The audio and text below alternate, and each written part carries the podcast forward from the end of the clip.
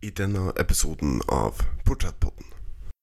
Korona har vist oss hvor store sosiale forskjeller det er i Oslo. Eh, og en bekreftelse på hvordan våre liv henger sammen, og hvor avhengig vi er av hverandre. Eh, jeg var den jenta som satt bakerst i klasserommet. Jeg var den som ikke ville prate i klassen.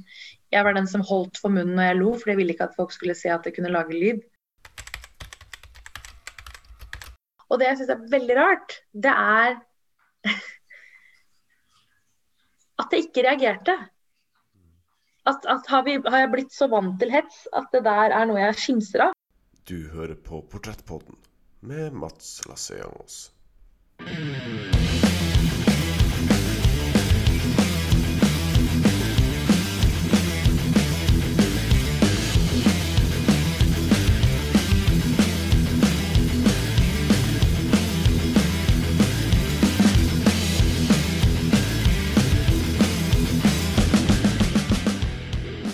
Det stemmer. Du hører på Portrettpodden. En podkast hvor jeg, Mats Lasse-Jangås, intervjuer mennesker som inspirerer meg, som får meg til å tenke, og som hjelper meg å forstå mer av verden rundt meg. Min gjest i denne episoden er Kamzy Gunaratnam. Og Kamzy er varaordfører i Oslo, og kommer opprinnelig fra Sri Lanka, som foreldrene flykta fra for å unnslippe borgerkrigen. Hun vokste opp på Grorud og som 19-åring ble for første gang valgt inn i bystyret, og nå til høsten for første gang på Stortinget.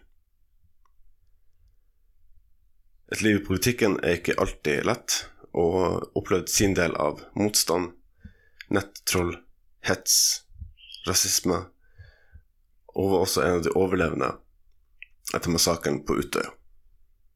Kan man si også den politikeren som alltid har en latterkule på lur som alltid ser det positive i alle mennesker hun treffer. Det har vært en stor, stor glede for meg å endelig ha henne som gjest i podkasten min. Jeg håper dere har like stor fornøyelse av denne episoden som jeg hadde med å lage den. Med det ønsker dere riktig god fornøyelse, og her er Kamzy Gunaratnam. um,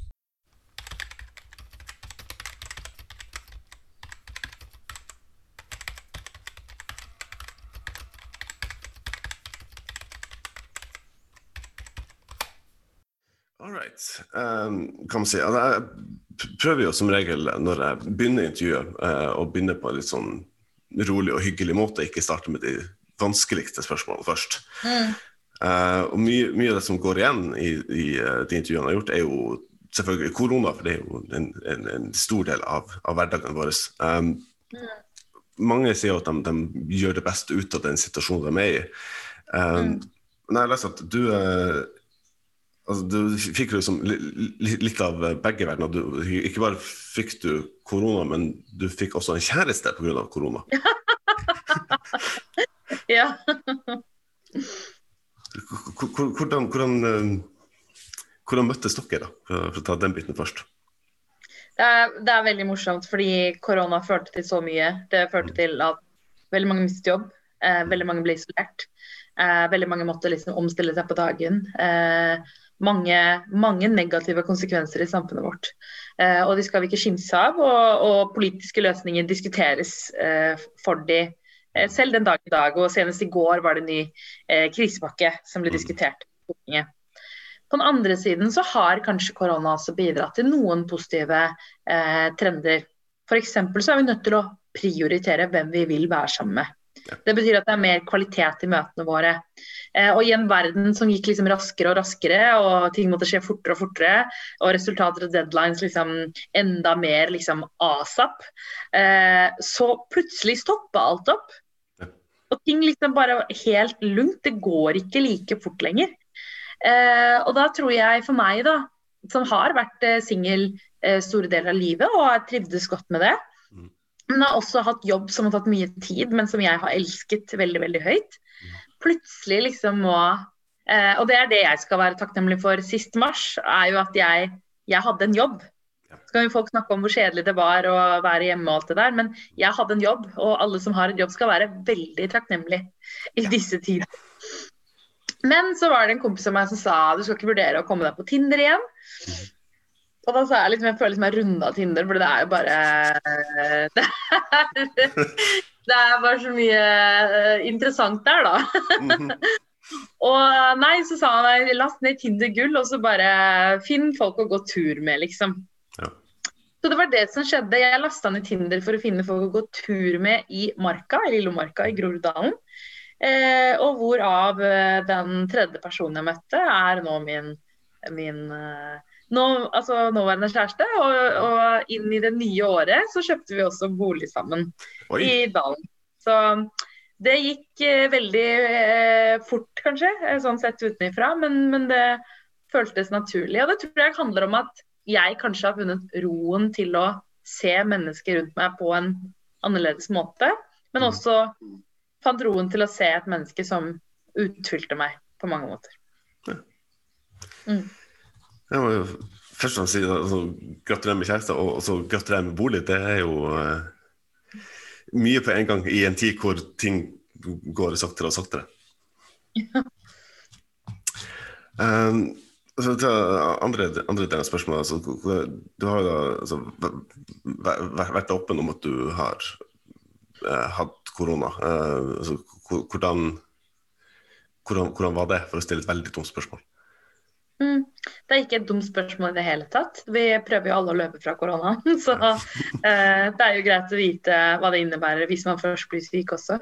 Mm. Eh, det var en vanlig, eh, mer eller mindre vanlig influensa, Mm. men med ekstremt mye hoste. Eh, og forskjellen er jo at du utover Altså, det varte kanskje litt lenger Mm. eh, enn vanlig influensa. Og, og du, du må holde deg veldig mye eh, uten mennesker. Mm. Så det jeg gjorde, var at jeg flyttet inn i kjellerleiligheten hos foreldrene mine, sånn at jeg slapp å handle inn og sånt sjøl. Mm. Og så måtte liksom pappa drev og lagde middag og frokost og la det øverst ved trappa. Ah. Hente, eh, uten å uh, Så så jeg passa på da, eh, at ikke jeg at det gikk utover dem. da. Så jeg var veldig heldig at jeg liksom ble tatt vare på av familien. Men som et resultat av korona så har jeg fått en veldig vond hals, en lett irritabel hals. Eh, Så det må jeg drive og følge opp. Og hadde um, store uh, puste- uh, og halsproblemer i, i desember og måtte sykemelde meg uh, store deler av eh, desembermåneden. Mm. Så, det, så det er fortsatt konsekvenser etter koronaen. Mens koronaen foregikk, så husker jeg at jeg For meg var det helt naturlig å være åpen om det. Mm. Eh, og, og si at, eh, at jeg har vært uforsiktig.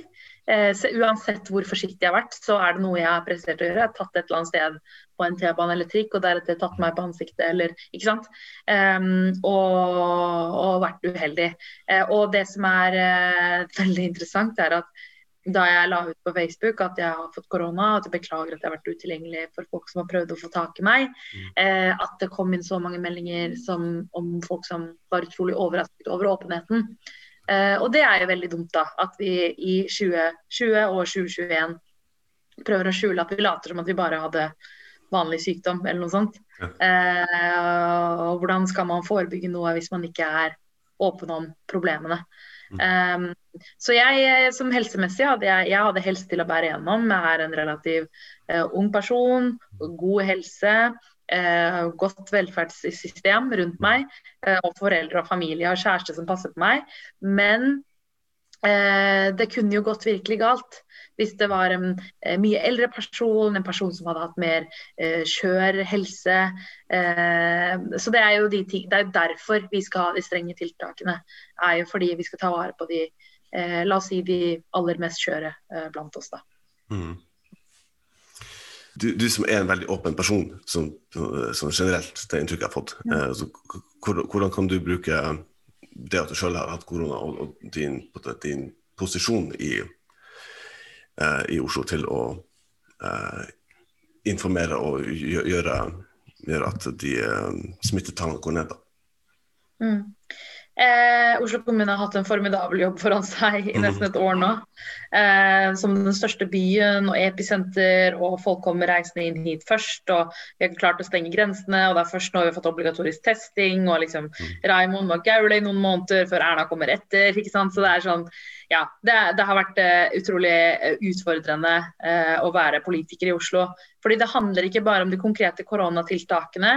Det vil jeg veldig gjerne fortelle litt om. er at korona har vist oss hvor store sosiale forskjeller det er i Oslo. Eh, og en bekreftelse på hvordan våre liv henger sammen, og hvor avhengig vi er av hverandre.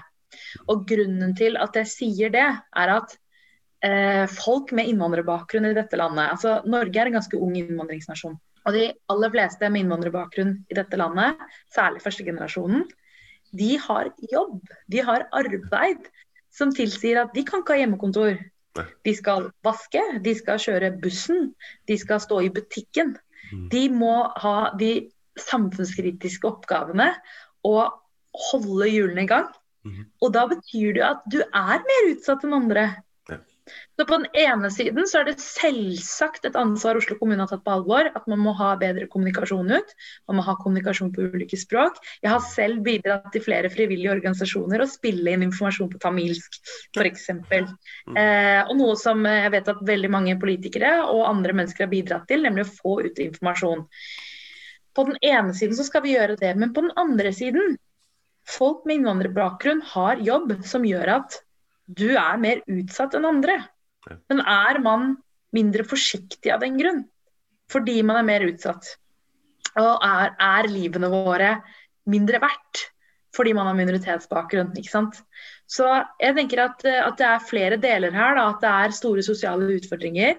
Og at det handler egentlig mer om sosiale utfordringer enn innvandrerbakgrunn. Mm. Uh, og at vi er en ganske ung innvandringsnasjon. Og det er mange, mange førstegenerasjon. Både pappaen min, han er kokk eh, på Gardeleiren. Og mamma hun er apotektekniker på Ullevål sykehus.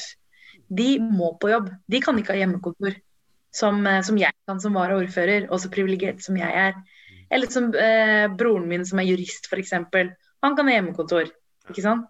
Eh, og så har jeg en tredjebror som er eiendomsmeglerfullmektig, som kan ha delvis hjemmekontor.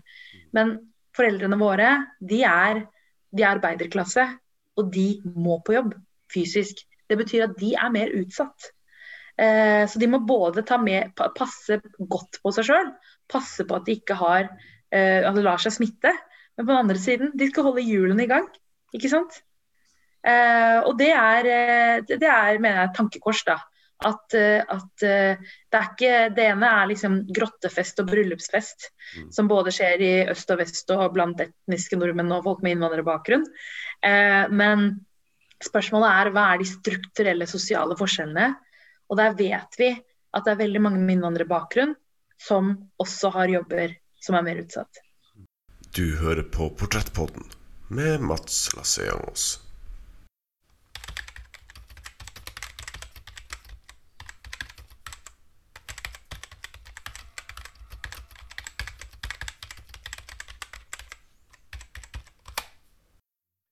du er opprinnelig født på Sri Lanka. Mm. Uh, foreldrene dine flytta til Norge pga. borgerkrigen. Mm.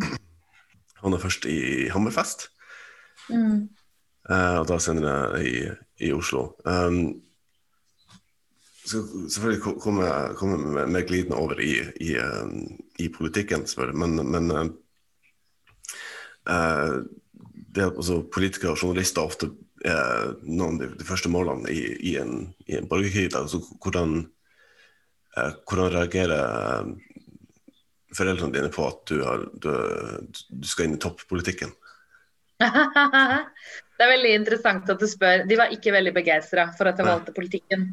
Eh, mine foreldre, som de fleste foreldre, også med innvandrerbakgrunn, de ønsker det beste for barna. Mm. Eh, at vi skal ta høyere utdanning og eh, eh prestere godt på skolen og finne vår plass i samfunnet. Mm. Eh, men hva gjør jeg? Jeg dropper ut av studiene, jeg går inn i politikken.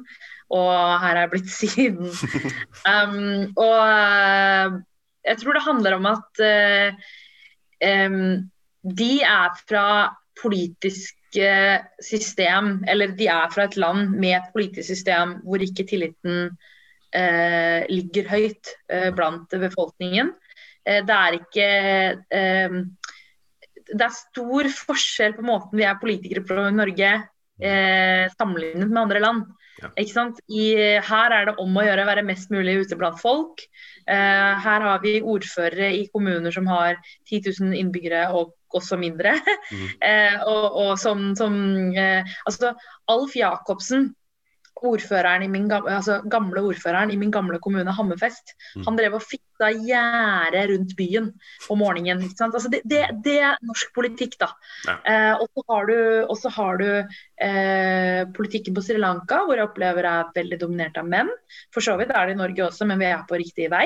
Mm. Eh, og på Sri Lanka hvor jeg føler liksom eh, sånn kastesystem, religion, etnisitet, altså, sånne ting liksom veier tyngre. da.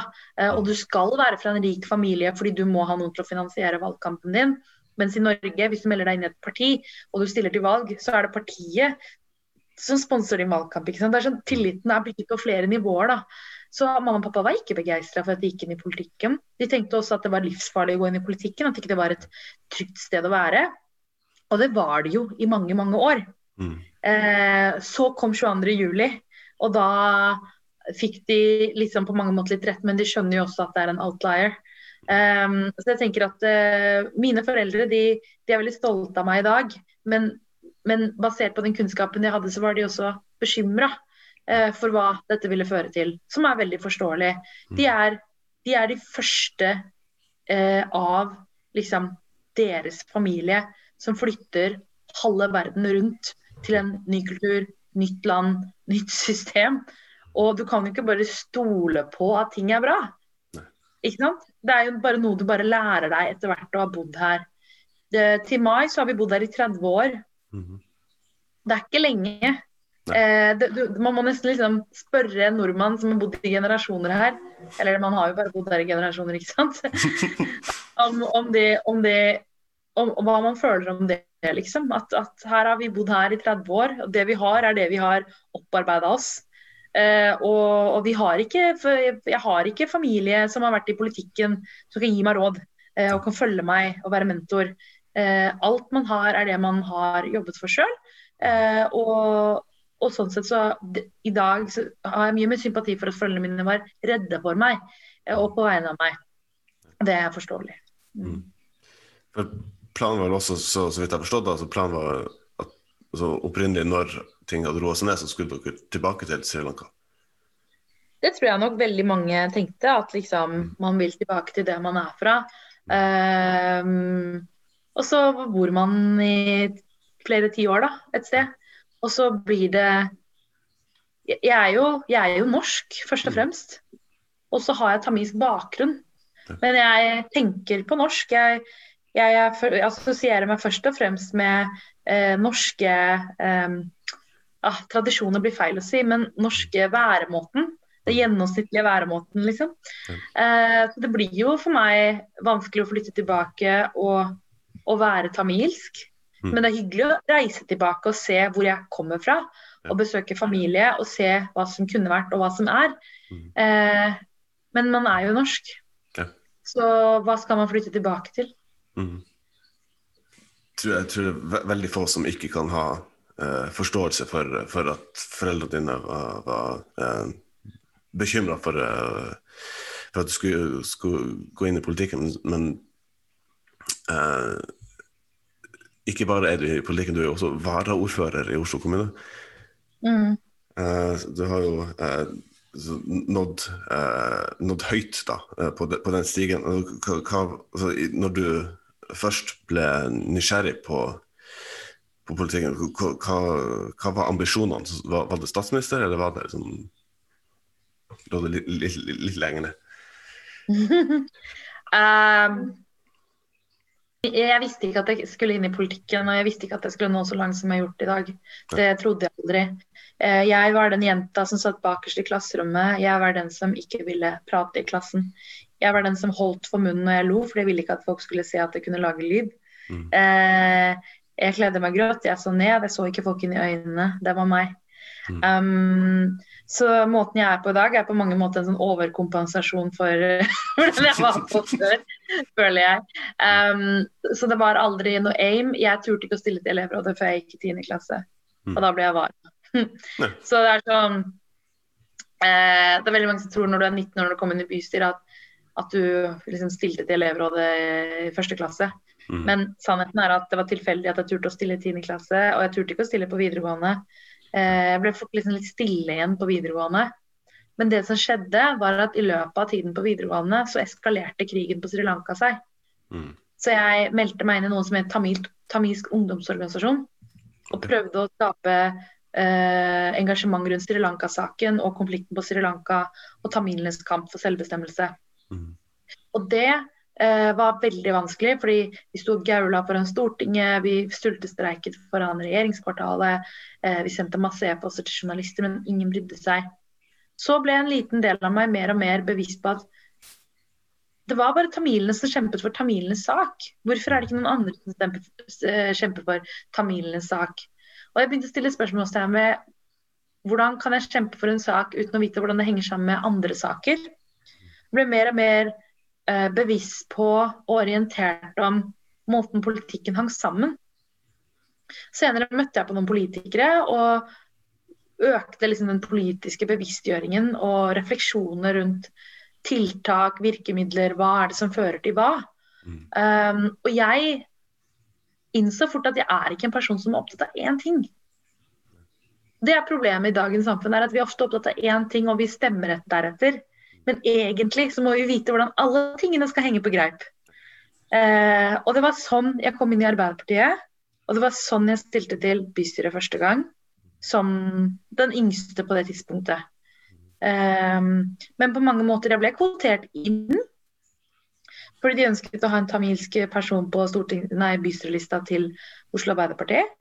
Uh, men derifra så har jeg uh, økt mitt engasjement på ulike områder basert på min bakgrunn, som alle andre gjør. Mm. Jeg kunne nesten ikke puste jeg, da jeg gikk inn i bystyresalen første gang etter at jeg ble valgt.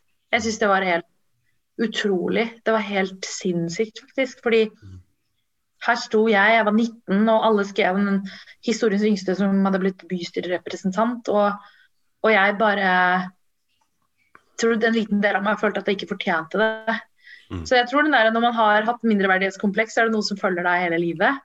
Den dukker opp i ny og ne, og den gjorde det den dagen i bystyresalen. Hvor jeg var der med jeg tror jeg var der med NRK Radio eller noe sånt. Og jeg skjønte ikke hva jeg gjorde der. Jeg bare hva, hva skal jeg gjøre her? Men jeg sa til meg sjøl, som jeg har sagt i de fleste andre tilfeller senere, det lærer jeg sikkert. Det finner jeg sikkert ut av. Ja. Mm. Eh, Veldig fin innstilling å ha. Altså, vi sliter begge to med, med mindreverdighetskomplekser og det å være, å ikke tørre å prate så høyt og se mye ned og ikke ta så mye plass. da. Um, så den, den, så det, det at du, du vet at du blir kvotert inn, gjør det også at du får litt sånn uh, Her hører jeg ikke hjemme, eller er det egentlig uh, likegyldig. Så du er jo valgt inn uansett. Altså, I dag eh, mener jeg kvotering er veldig viktig å bruke for å få kvinner opp og fram. Mm. Og så mener jeg kvotering ikke er riktig virkemiddel i forhold til å få etniske minoriteter opp og fram. Eh, men det man må gjøre, er Fordi jeg følte jeg ble ansett som en ung jente fra Groruddalen Mm. som hadde en viktig stemme som burde bli løftet fram. Eh, så poenget er at selv om man på det tidspunktet tenkte man skulle ha en tamilsk person på lista, eh, men det var i 2006, ikke sant? Så mener jeg at liksom Oslo og Norge er et annet sted i dag. Selv om jeg ble kvotert inn eh, fordi jeg har tamilsk bakgrunn, og man ønsket å ha representasjon fra det tamilske miljøet på bystyrelista til Oslo Arbeiderparti, så mener jeg at det, det var sikkert riktig tiltak da. Jeg ble fulgt opp godt etterpå, eh, og jeg har blitt mer enn en tamilsk representant. Men det er ikke riktig tiltak i dag, og jeg er ikke sikker på om jeg ville likt det. Det som er veldig viktig, er at hver og en altså Vi er et samfunn hvor alle har behov for å utfolde seg, finne seg sjøl, finne ut liksom, hva er det jeg kan bidra med. Og det må man hjelpe folk til å gjøre, da. Og et Mm. parti er ikke annerledes enn et vanlig arbeidsmarked. Vi har alle lyst til å utfolde oss, ikke sant. Så det er viktig å finne fram folks unike evne til å kommunisere, skape politikk, inspirere. og, og, gjøre det til en del av det større laget. da. Mm. Eh, så jeg tenker at eh, For meg gikk det veldig bra, fordi de fulgte meg godt opp, og du så det unike ved meg. Og som en ung jente fra Groruddalen, hvordan de løftet opp og ga meg en stemme for å snakke på vegne av ungdommen i Groruddalen. Og det er det viktigste. Mm. Det er jo det alle andre gjør, om du er fra Bergen eller Trondheim. De, de vil jo snakke på vegne av det stedet de er fra. Mm. Så um, jeg tenker eh, jeg tenker at uh, vi har brukt virkemidler som kanskje har funket for sin tid, mm. men nå er det en ny tid. Og da må vi finne nye virkemidler. Mm. Jeg får gå, gå, videre på det. Altså, det uh, altså, Oslo er jo den mest multikulturelle byen i, i Norge. Mm. Med, med, største variasjon i, i, i innbyggere. Um, når man da er i en når man da er i en, i en uh, så, så nokså uh, profilert uh, offentlig uh, rolle, og man, har en stemme som man, som man velger å, å, bruke i, i viktige mm. saker, hvor stor andel av den tilbakemeldingen du får, er av negativ art? Tidvis så kan man oppleve at det negative er det som dominerer. Men jeg mm. tror det handler om kommentarens art, da, fordi vi mennesker vi, vi henger oss opp i den ene negative kommentaren. Ja. Det er jo sånn i mediebildet også at du kan gjøre 100 positive ting for et samfunn, men det er den ene negative tingen du presterte å gjøre som får medieoppslag. Mm. Ikke sant? Det er bare sånn det fungerer. Fordi det er det som skaper oppskrift. Nei, øh, øh, overskrift. Mm. og, um, og, det merker jeg også, at jeg liksom tidvis, når det kommer så mange positive kommentarer, at man liksom ser det negative, og så tenker man hva er det du vil, liksom. Og også i kampens hete så blir man bare veldig veldig frustrert. Man, man klarer liksom ikke å være rasjonell om det, da. Ne. Men eh, etter hvert så har jeg liksom klart å liksom lage sånne regler oppi huet på liksom ikke sant? Noen ganger nettroll er stakkarslige menn som ikke mm. har klart seg i livet. Noen ganger er nettroll kvinner som føler at de ikke blir sett. Mm. Noen har bare så mye frustrasjon at de vil ikke lytte til det du sier, men vi må lytte til alt det de sier. Mm. uh, som jeg føler ikke akkurat uh, bereder grunnlaget for en dialog, da. Um, så jeg um, kan tidvis ta mye til noe av det negative. Men man kan ikke helt ignorere det heller, ikke sant. Fordi man må huske på alt det positive, og du må ha en grunnleggende selvtillit liksom, i politikken. Det er ikke, man skal ha litt hard hud. Mm. Men hva da hvis vi får så hard hud at vi ikke reagerer på noe lenger? Ja. Er vi da mennesker i politikken? Jeg husker eh, eh den kvelden jeg leste Inger Marie Hyttehorn skrive at jeg ikke var kronisk norsk og dermed ikke kunne lede 17. mai-komiteen. Mm. Og jeg husker at jeg ikke reagerte den lørdagskvelden. Okay. Jeg husker at jeg ikke reagerte, og jeg satt med to minoritets, altså venninner med minoritetsbakgrunn eh, som også ikke reagerte. Mm. Og dagen etter så reagerte hele Norge. Mm. Den søndagen reagerte hele Norge. Og det jeg syns er veldig rart, det er at jeg ikke reagerte. At, at har, vi, har, jeg blitt så vant til hets at det der er noe jeg skimser av? Var det greit å skrive? Hva sier jeg egentlig unge jenter og gutter ute i Oslo når jeg ikke reagerer på at hun sier det der til meg? Og det er farlig. Politikken trenger folk med følelser som har empati og sympati. Uh, og, og, jeg prøver å jeg prøver å ta vare på de følelsene. Og ta vare på evnen til å reagere med mennesker. Og det er vanskelig, fordi du skal være saksorientert og du skal fokusere på resultater. Og det er det folk må måle deg på. Mm -hmm. Men vi skal også være mennesker i det hele, da. Du hører på Portrettpodden med Mats Lasseangos.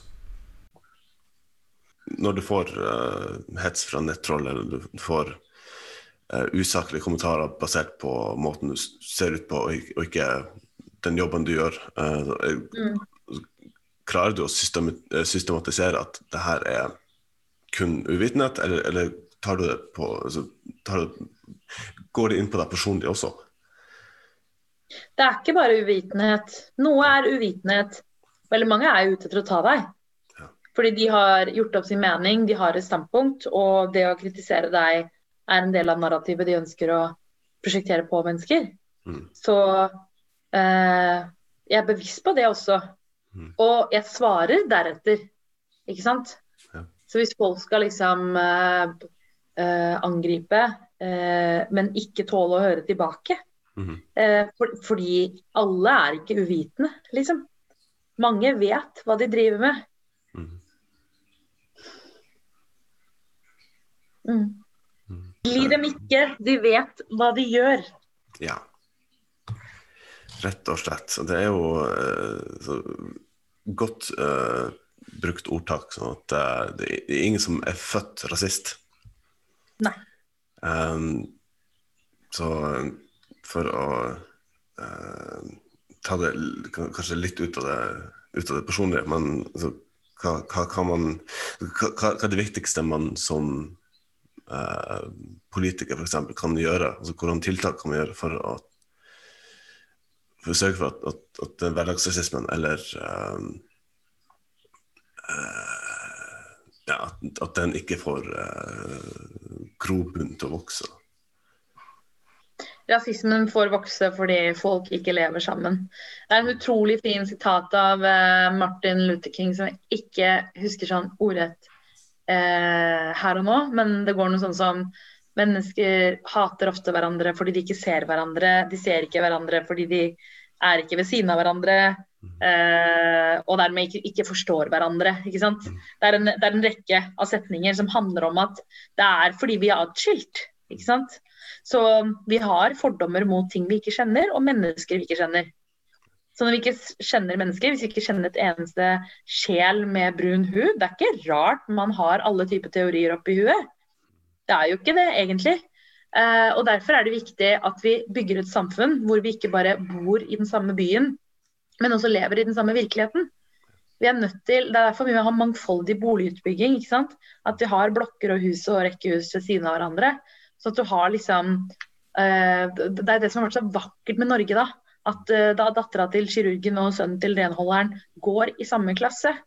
Hvor mange land kan si det? ikke sant? Eh, og det er det som forebygger fordommer.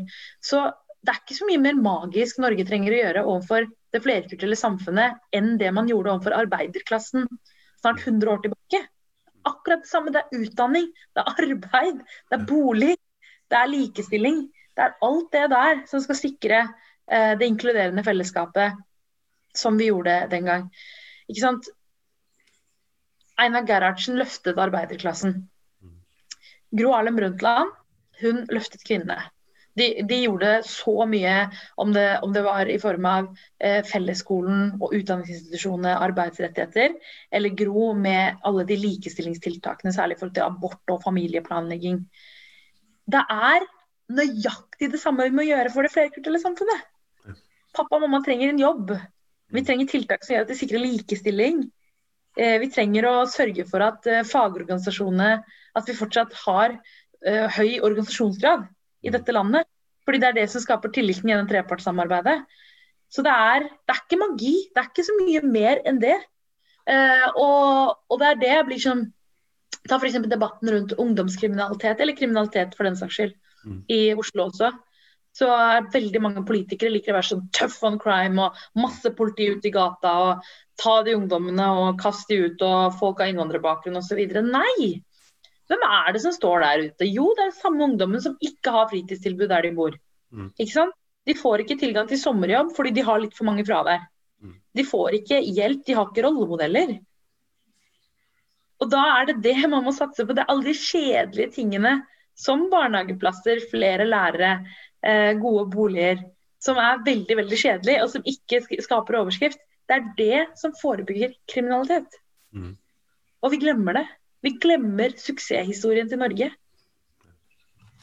Jeg tenker også at det skal prøve å kramme litt, litt ut av uh, de negative spørsmålene etter hvert, men uh, tenker jeg også at det er jo uh, altså Relativt sett, det er ikke så lenge siden eh, eh, eh,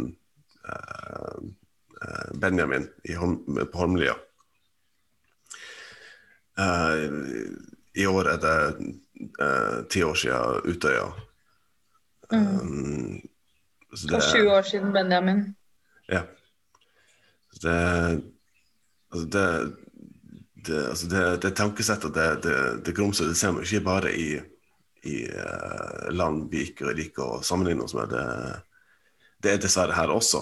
Men, men det så, som du også uh, sier, altså, hvis, hvis, man fokuserer på de uh, kjedelige tingene som, som, journalister ikke er interessert i, det med bolig og utdanning og infrastruktur og, og, og sosialt nettverk, så, så, så kommer man uh, langt med det, i, i, i, min ydmyke mening. Men jeg skal ikke be deg om, om, å beskrive hvordan det var på Utøya, for det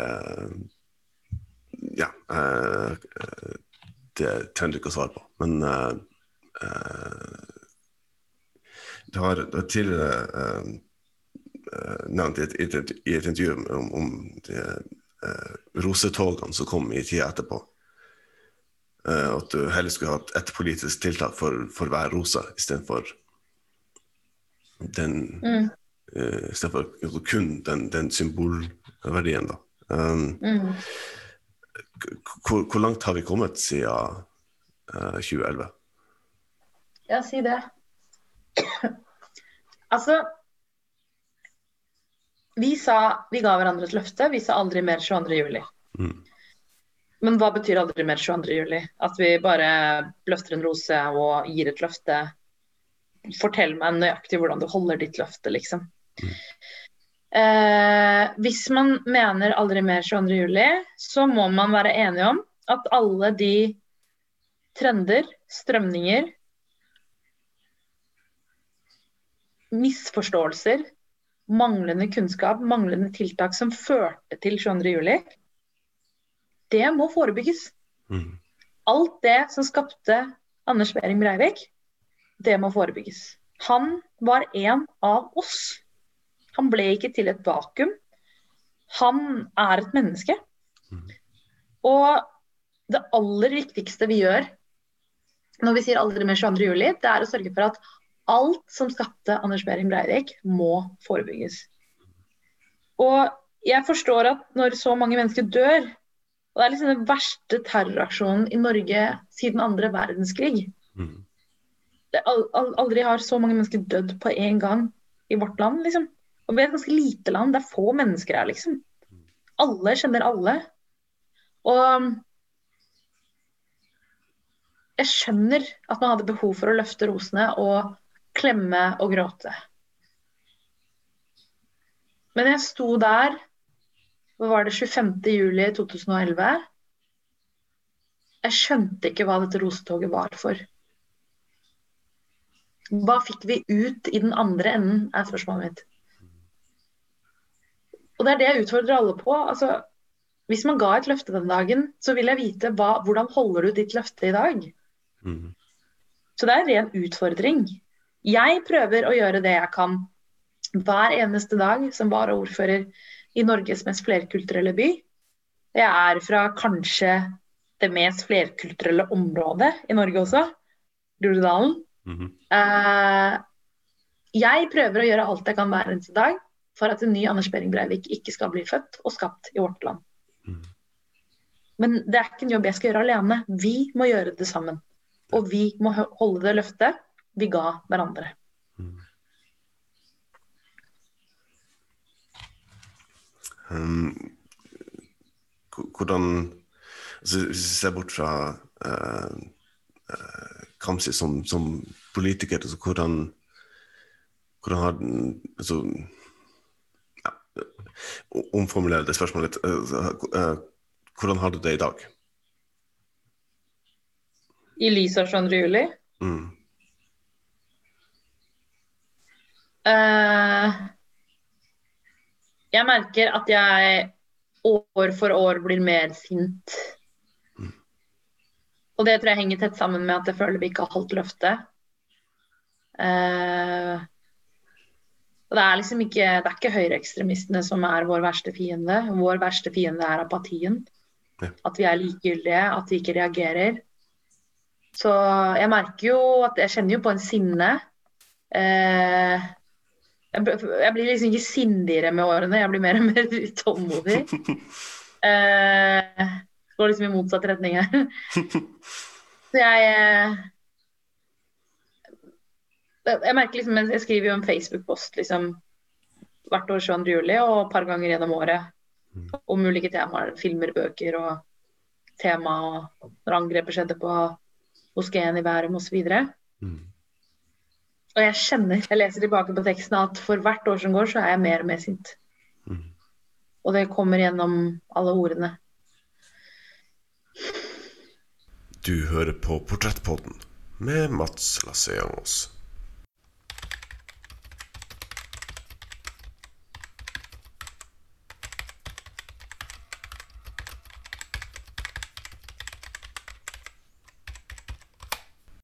Nevnte tidligere Martin Luther King, og uh, i dag er det da, uh, i hvert i USA, uh, Martin Luther King Day. Er det? Ja. Ok. I dag, I dag er 19. eh, januar eh, 2021. Um, og i morgen skal jo da eh, forhåpentligvis eh, krysse fingrene eh, alt gå fint med en fredelig maktoverdragelse eh, av presidentskapet. Um, I lys av den uh, storminga av kongressbygninga og det eh, egentlig generelt fire år med stadig dypere eh, splittelse i- hos en av våre nærmeste allierte. Um, uh, for å formulere det til et litt teit spørsmål, kunne Norge hatt sin egen Trump? Vi er ikke der.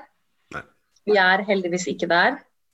Trump er eh, symptom på problemer i USA. Mm. Eh, og forhåpentligvis så er tillitsnivået i vårt land såpass høyt at, eh, at ikke det finnes en, en hel Trump her. Mm. Det betyr ikke at vi ikke ser tendenser i noen enkelte politikere på ytterste høyreside. Så jeg tenker at også her, at ikke apatien skal dominere.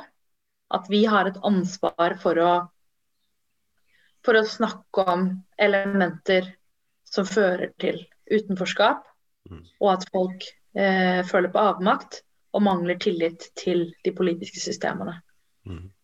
Som jeg mener også selv, så, som jeg så inne på, at jeg er på ingen måte en politiker, men, men eh, altså vi har jo, Det er jo ganske tydelig å se det selv for en utenforstående at vi har det, det rammeverket i bunn som gjør at s- skulle det komme en, en norsk Trump, så ville den, uh, den veien til makta vært mye vanskeligere, mye tyngre å, å gå. Er, så det inntrykk jeg har. Altså, vi, vi, altså, det, sosialdemokratiet, det sosialdemokratiet vi har bygd opp, det skal veldig mye til for å rive det ned. Um, Forhåpentligvis, men så skal man ikke ta noe for gitt, da. Neida. Så jeg håper at vi kan styrke sosialdemokratiet i årene som kommer. Mm. Det er det heldigvis eh, mange med da, som, som, som, som kjemper for. Det står, uh, står ikke alene i, i, i den kampen, heldigvis. Um, vi går, går litt, lenger til, tilbake. da. Og Dette er en, en, en podkast hvor jeg intervjuer folk som inspirerer meg, og som hjelper meg til å forstå mer av, mer av verden rundt meg. Um, hvem har vært dine, dine største uh, inspirasjonskilder, både profesjonelt og, og i eget liv?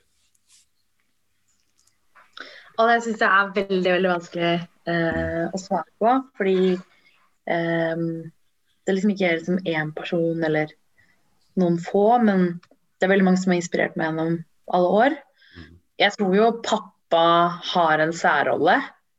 Eh, jeg syns det er helt unikt hvordan du kan flytte alene til et land og bygge opp alt fra scratch og kjøpe deg bolig og ende opp i et stort rekkehus på Nedre Grorud. Det er og eh, å ta deg fagbrev i en alder av 60 og eh, servere mat i Garden. Mm. Eh, så det, det er utrolig eh, Jeg syns det er imponerende, da. At du liksom eh, Når noen sier hva de har fått til, så er det så spennende å se på hva som er deres forutsetninger. Ikke alle har de samme forutsetningene. Nei. Så jeg er utrolig stolt av pappa. I disse dager er jeg også utrolig inspirert av Jonas Gahr Støre. Mm. Eh, det mener jeg er en mann som jeg håper blir statsminister snart. eh, og som jeg syns blir utrolig urettferdig behandla. Liksom, han er opposisjon, liksom, men han må svare på alle spørsmål. det blir litt sånn derre Unnskyld, sitter han i regjering, liksom? Eh, og jeg bare skjønner ikke jeg skjønner, ikke hvordan mediene ikke klarer å gjøre sin jobb da, med å holde de som har makt, ansvarlig. Eh, men man syns det er mer interessant å angripe de som ikke har makt. Og det syns jeg er interessant. Nevnte jeg også før, før vi eh, satte i gang at du eh, har den siste tida jobba med, med, bok. Ja. Skal ikke nødvendigvis uh, tvinge deg til å røpe slutten, eller, eller, noe sånt, men uh, går an i litt sånn generelle termer å beskrive hva, hva, den boka handler om? Vet du, den, den, ligger allerede ute på Aschehoug sine hjemmesider. Ja, okay. det, er så, det, er ikke så, mye hemmelighet. Men uh, det er jo politikken sett fra mine øyne. Mm. Uh, hvor jeg liksom uh, forteller om personlige ting og gjør en politisk analyse av det i refleksjoner av det i boka. Mm. og så ser jeg på politiske situasjoner og gjør personlige refleksjoner ut av det ja. i boka. Mm. Så, så den er personlig og politisk. Eh, men det er sånn maning til kamp. Den heter 'Din kamp er min kamp'. Okay. Eh, og det jeg prøver å få fram, er at, eh, at, det er det fellesskap handler om. Er at vi tar hverandres kamp. Mm. At hvis noen står utenfor arbeidslivet, så angår det også meg, selv om jeg har en jobb. Mm. Og hvis noen opplever at de som homofile ikke har rettigheter, så angår det meg, selv om jeg er heterofil. Mm. Og hvis menn ikke får den psykiske helsetjenesten de trenger, så angår det meg også, selv om ikke jeg er en mann. Eh, altså, vi må ikke ha et samfunn hvor bare de som er fra det stedet eller er fra den samme gruppen, kan snakke på vegne av folk. Mm. Vi trenger et samfunn hvor vi alle kan snakke på vegne av hverandre. Fordi det er det som er optimal, et optimalt fellesskap. Da. At vi tar kamper på vegne av hverandre. Så din kamp skal være min kamp. Mm. Hva er den største utfordringa som toppolitiker, som den gjengse nordmann, eh, kanskje ikke er, er klar over? Jeg tror det er eh, Det problemet generelt i samfunnet er at eh, jeg syns at vårt ansvar som politikere som styrer mm. F.eks. så styrer vi Oslo, så styrer vi snart i landet. eh, vårt ansvar er helheten. Mm. Men jeg mener også at det er altså sosialdemokratiets ansvar grupper skal ikke settes opp mot hverandre, vi skal være en del av det samme samfunnet. Vi trenger både de som skaper og de som deler. Eh, og vi trenger både eh, arbeidsgivere og arbeidstakere til å spille på lag. Mm. Eh, vi trenger å løse klimakrisen samtidig som at folk ikke faller utenfor arbeid. Det er flere ting man skal ta hensyn til.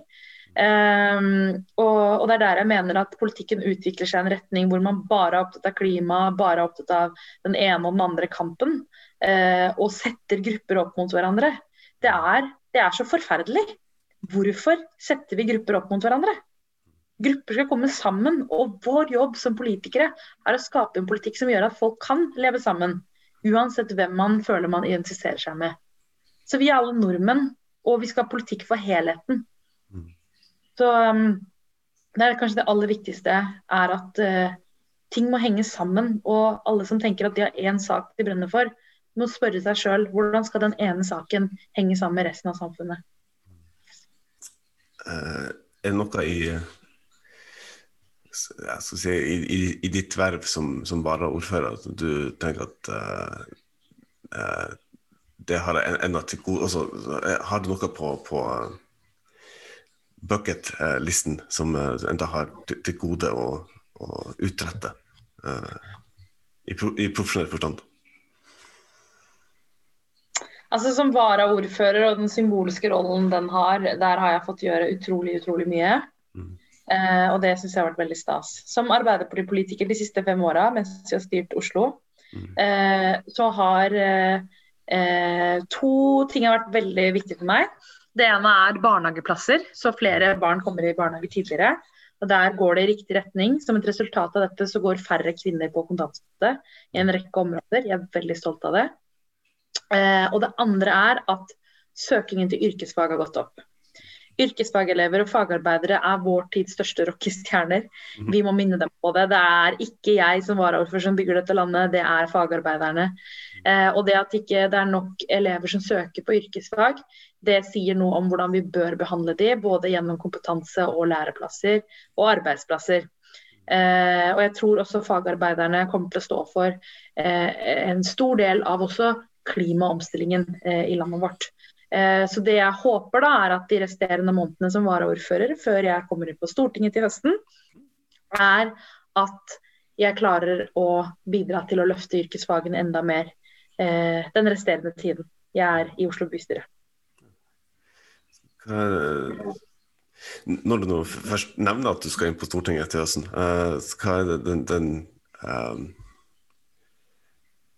eh, så, eh, om, om det går an å formulere seg sånn, altså, er, er, har du en konkret setning eller, eller, eller et konkret mål som du tar med deg inn, inn, inn i de, den historiske salen som du har lyst til å at skal definere din, din tid der, for å bruke veldig uh, store ord? Jeg er veldig opptatt av arbeidslinja. Jeg vil få flere folk i arbeid. Det er mange som sitter på sidelinja og har så mye å bidra med, har så mye erfaringer og kompetanse. Så det aller viktigste er å få folk i arbeid. Når de som kan jobbe, jobber, så kan vi skape et enda verdigere liv for de som ikke kan jobbe. Det er slik jeg ser det. Og det å være i arbeid, det er vakkert, meningsfylt, utfoldende for hvert enkelt menneske. Og det er fantastisk bra for velferdsstaten. Så kan vi bruke enda mer penger på velferd og fellesskapet og skape enda, bedre forutsetninger for de tusenvis av barn som vokser opp i altfor sosialt utsatte områder. Så arbeidslinja er det beste og viktigste vi kan gjøre, og jeg brenner særlig for at innvandrerkvinner eh, kommer i arbeid. Mm. Mm. Hva, hva er det første du eh, har lyst til å gjøre når eh, alt av korona er vekk og man kan utfolde seg fritt i, i samfunnet? Mm, jeg har jo, som jeg nevnte tidligere, kjøpt meg en bolig med kjæresten på Økeren. Eh, som jeg flytter inn i til høst. Mm. Eh, så forhåpentligvis så kan vi ha en forsinket og stor innflytningsfest. Det blir veldig gøy. Da kan du altså ha kombinert innflyttingsfest og feiring at du eh, da er inne på Stortinget. Ja, det blir veldig gøy. Du har hørt en episode av Portrettpodden. En podkast med meg, Mats Lasse-Jangås, og min gjest i denne episoden var Kamzy Gunaratnam. Har du gjort deg noen tanker med starten av episoden? Har du ris eller ros eller tips du ønsker å komme så kan du rette deg til Portrettpodden sine Facebook-sider. Min takk til Kamzy Gunaratnam for at hun tok seg tid til å prate med meg. Portrettpodden arbeider i henhold til Vær varsom-plakaten. Takk for at nettopp du hørte på, og vi høres snart igjen.